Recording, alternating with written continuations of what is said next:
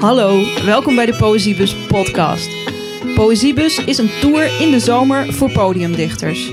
En met 20 dichters op een bus bespreken wij van alles en nog wat, maar voornamelijk ook de podiumpoëzie. En met deze podcast brengen we die gesprekken naar jullie toe.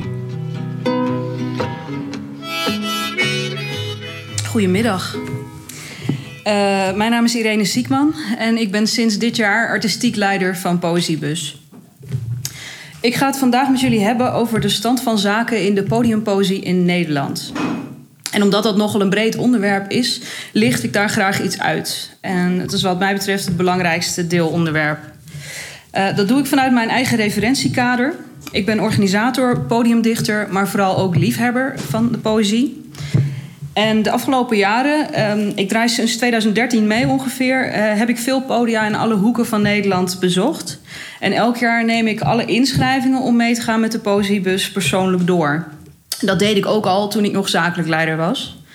Dus uh, ik durf te zeggen dat ik alles bij elkaar uh, inmiddels een groot deel van de Nederlandstalige podiumdichters gesproken of in ieder geval gezien heb. Um, dit is overigens wel de eerste keer dat ik een speech over dit onderwerp verzorg. Uh, normaal sta ik daar eindeloos over te discussiëren. Maar dit keer word ik gelukkig niet tegengesproken. Uh, kom in de pauze of na afloop gerust naar me toe als je dat alsnog wil doen. Ik moet jullie wel waarschuwen. De laatste keer dat iemand mij vroeg om te komen spreken over de podiumpoëzie... Uh, heb ik in de artiesten backstage de dame van de catering nog anderhalf uur aan de praat staan houden. Dus weet waar je aan begint. Ik denk dat het goed is om te beginnen met het definiëren van de term podiumpoëzie. Uh, podiumpoëzie is poëzie op een podium. Voorgedragen door iemand die zich zowel fysiek als textueel bewust is van het feit dat hij op een podium staat voor een publiek. Een gepubliceerd gedicht dat geschreven is voor het papier kan podiumpoëzie zijn als het goed voorgedragen wordt. En niet elk gedicht is geschikt voor op het podium. En, oh sorry, niet elk goed gedicht is geschikt voor op het podium. En niet elk goed gedicht is geschikt voor op het papier. Er is wat mij betreft sprake van twee overlappende disciplines.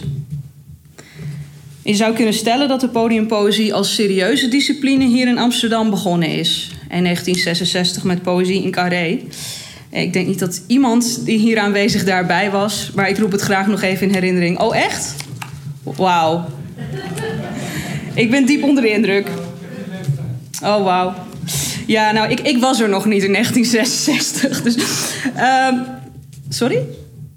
Nee, um, goed. Uh, waarop dus uh, begonnen is met poëzie in Carré... waar onder andere Simon Vinkenoog en Johnny van Doorn... de basis legden voor wat inmiddels slam poetry heet... Um, sinds het begin van Poëziebus gebruik ik consequent de termen podiumpoëzie en podiumdichters om duidelijk te maken wat we doen. En ik krijg vaak de vraag waarom ik het nodig vind om dat onderscheid te maken. En ik hoop dat dat uit de rest van dit verhaal duidelijk wordt. Ik ga uh, de status quo zoals ik die zie uiteenzetten. Um, ja, toen Poëziebus net begon, uh, dat is eind 2014, heette poëzieoptredens nog voorlezen en was optreden vooral iets voor clowns. Um, ik kan me herinneren dat ik in de talkshow van Poetry International uitgebreid heb moeten uitleggen dat er toch echt wel dichters op de bus zaten.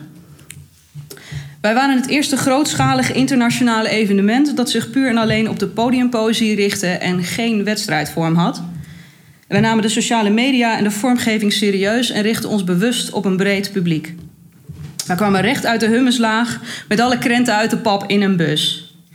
En binnen twee jaar waren we daarmee met het NK Poetry Slam een groot kwaliteitsbepalend orgaan binnen de podiumpoëzie geworden. En op die eerste bus, waarvoor overigens geen selectie plaatsvond, zaten onder andere een net gedebuteerde Runa Svetlikova, inmiddels stadsdichter van Rotterdam Dean Bowen, een nog niet gedebuteerde Lotte Dodion, Iris Penning, die jullie gehoord hebben bij het inlopen, en popdichter Rick van Boekel, die toen al meer meters op de teller had dan de oldtimerbus waar wij in reden. En na afloop van die bus hebben we de koppen bij elkaar gestoken en dit is waar ons dat gebracht heeft. In Purdue tijdens de Poëzieweek. En ondertussen groeide de podiumpoëzie door. Ik ben ervan overtuigd dat wij de eerste jaren enorm de wind mee hebben gehad. Omdat precies op dat moment de hoos begon. Nou, het schijnt is die inmiddels aan het stagneren. Maar ik denk, en dit klinkt gek uit de mond van iemand die denkt dat het een realistisch idee is om iets als poëziebus te organiseren, dat dat vooral met de hoge verwachtingen te maken heeft. Er stagneert niks. Je had alleen gedacht dat het harder zou gaan. Kijk, je hebt de wind mee en dat is mooi, maar op een zeker punt moet er gewerkt worden. En dat punt is nu. Poëziebus heeft dit jaar op het inschrijfformulier al een voorzet gegeven door alle inzenders de mogelijkheid te geven om aan te vinken of ze feedback wilden. En maar liefst 90% vinkte ja graag aan. En dat is iets waar ik heel gelukkig van word. Ik werd er iets minder gelukkig van toen ik dat allemaal in afzonderlijke mailtjes moest verzenden. Maar dat terzijde. Uh, feedback is in mijn opinie een hele mooie samenvatting van datgene waar we nu moeten werken. Er zijn dichters die beweren dat een gedicht pas een goed gedicht is als het zowel op papier als op het podium werkt. Maar zijn wij niet allemaal met hetzelfde bezig? En waarom moet ik dan zo nodig hier een podiumpoëzie en hier een papieren poëzie? Maar eigenlijk, eigenlijk het een sluit het ander niet uit. Als liefhebber van beide disciplines weet ik ook dat er gedichten zijn die op een podium nooit zoveel indruk maken als op papier. Er zijn dichters die niet kunnen voordragen en dat wat mij betreft ook niet hoeven te doen. En aan de andere kant is er ook podiumpoëzie die niet werkt op papier, omdat alles wat er op dat podium gebeurt als een soort prachtig handwerk in elkaar past en het geheel uit een som der delen bestaat, waarvan je er maar eentje, de taal, de tekst, de letters, op papier kunt zetten. En soms lukt zelfs dat niet. Bij podiumpoëzie is de tekst dus onderdeel van een geheel. En er worden hele andere eisen aan zo'n tekst gesteld. Je kunt minder, maar ook meer met je woorden. De omgeving van een tekst op papier bestaat uit het lettertype, de papiersoort, de bladspiegel. En dat zijn subtiele, maar beperkte middelen om het gedicht te ondersteunen. Alles staat in dienst van die tekst. De omgeving van de tekst op het podium geeft veel meer ruimte voor creativiteit en kan daarmee ook een risico vormen. Stemgebruik, lichaamshouding. Wie je bent als persoon is ineens onderdeel geworden van wat je doet. En dat is een heel ander ambacht. En het is waar dat veel gepubliceerde gedichten herlezing nodig hebben en dat de gelaagdheid die erin zit niet altijd uit de verf komt in een voordracht. Lezen is een heel andere beleving dan luisteren of kijken naar wat er op een podium gebeurt. Het is ook waar dat veel podiumdichters teksten schrijven die niet goed uit de verf komen op papier. Maar dat betekent niet automatisch dat die teksten minder complex, minder gelaagd of minder goed zijn. Het betekent dat er andere middelen gebruikt worden om gelaagdheid aan te brengen. En dat is iets waar we het meer over zouden moeten hebben. Wat zijn de middelen waarmee je in een podiumperformance gelaagdheid kan aanbrengen? Op het moment dat je een tekst die geschreven is voor het podium meet aan kwaliteitsstandaarden die bedoeld zijn voor het papier, dan is de kans dat die teksten niet door de ballotage komen inderdaad bijzonder groot. Of in de woorden van Albert Einstein: If you judge a fish by its ability to climb a tree, it will live its whole life thinking it is stupid. De podiumdichter is die vis. Maar we zijn er nog niet helemaal uit hoe we die vis moeten beoordelen op zijn zwemvaardigheden. En dat is waar we het over moeten hebben. Stel, wij hebben te maken met een ambitieuze vis die zich wil ontwikkelen tot een goede zwemmer met een eigen slag. Op dit moment is het enige dat die vis kan doen kijken en luisteren naar de andere vissen. Of klagen dat hij niet serieus genomen wordt, maar dat is niet heel productief. Eh, de koala's ondertussen hebben een hele bibliotheek aangelegd over hoe je goed kunt klimmen en elke koala heeft er een mening over. Ze zijn er constant over met elkaar in gesprek en iedereen neemt de verschillende onderdelen van het klimmen bijzonder serieus. Er is een heel netwerk van klimmers en voldoende gelegenheid om je kennis en vaardigheden aan te scherpen. Het gaat zelfs zo ver dat een groot deel van de vissen precies weet hoe je moet klimmen. Zwat, ik ga de rest aan Disney Pixar overlaten. De wedstrijden en selecties die wij nu gebruiken om kwaliteit te bepalen. De winnaar van het NK, meegedaan aan dit of dat gerenommeerd podium, geselecteerd voor de poëziebus. Ze kennen zonder, zonder uitzondering een open inschrijving. Iedereen mag zijn of haar werk insturen. Dat is aan de ene kant goed, want laagdrempelig.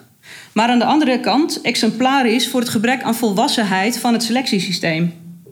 En misschien ook wel voor een gebrek aan visie. En ik mag dat zeggen, want wij doen het ook. De dag dat de bezige bij een open call de deur uitdoet voor manuscripten, neem ik deze woorden terug. Een onafhankelijke commissie bepaalt vervolgens wie er geselecteerd wordt en volgens hen voldoende kwaliteit bezit.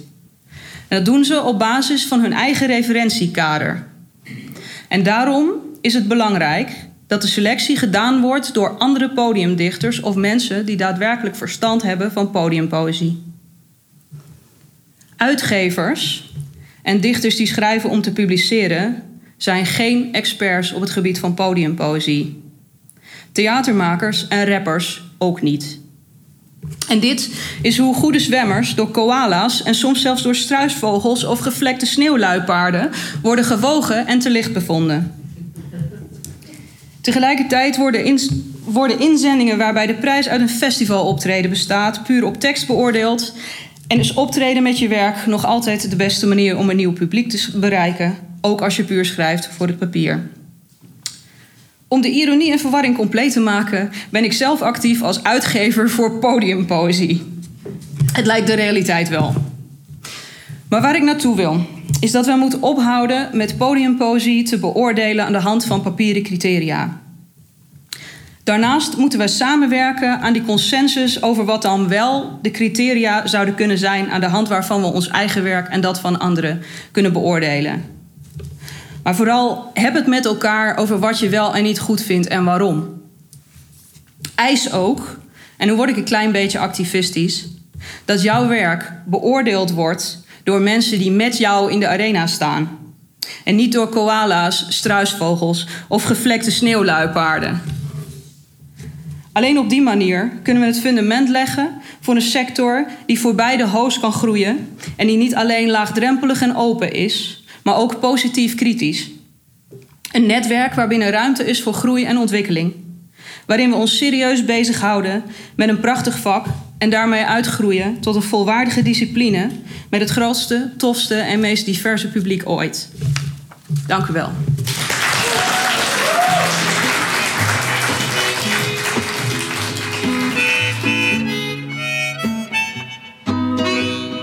Dank u wel voor het luisteren naar de Poëziebus podcast. Deze keynote speech is opgenomen op zondag 3 februari 2019 tijdens de Poëzieweek in Perdu.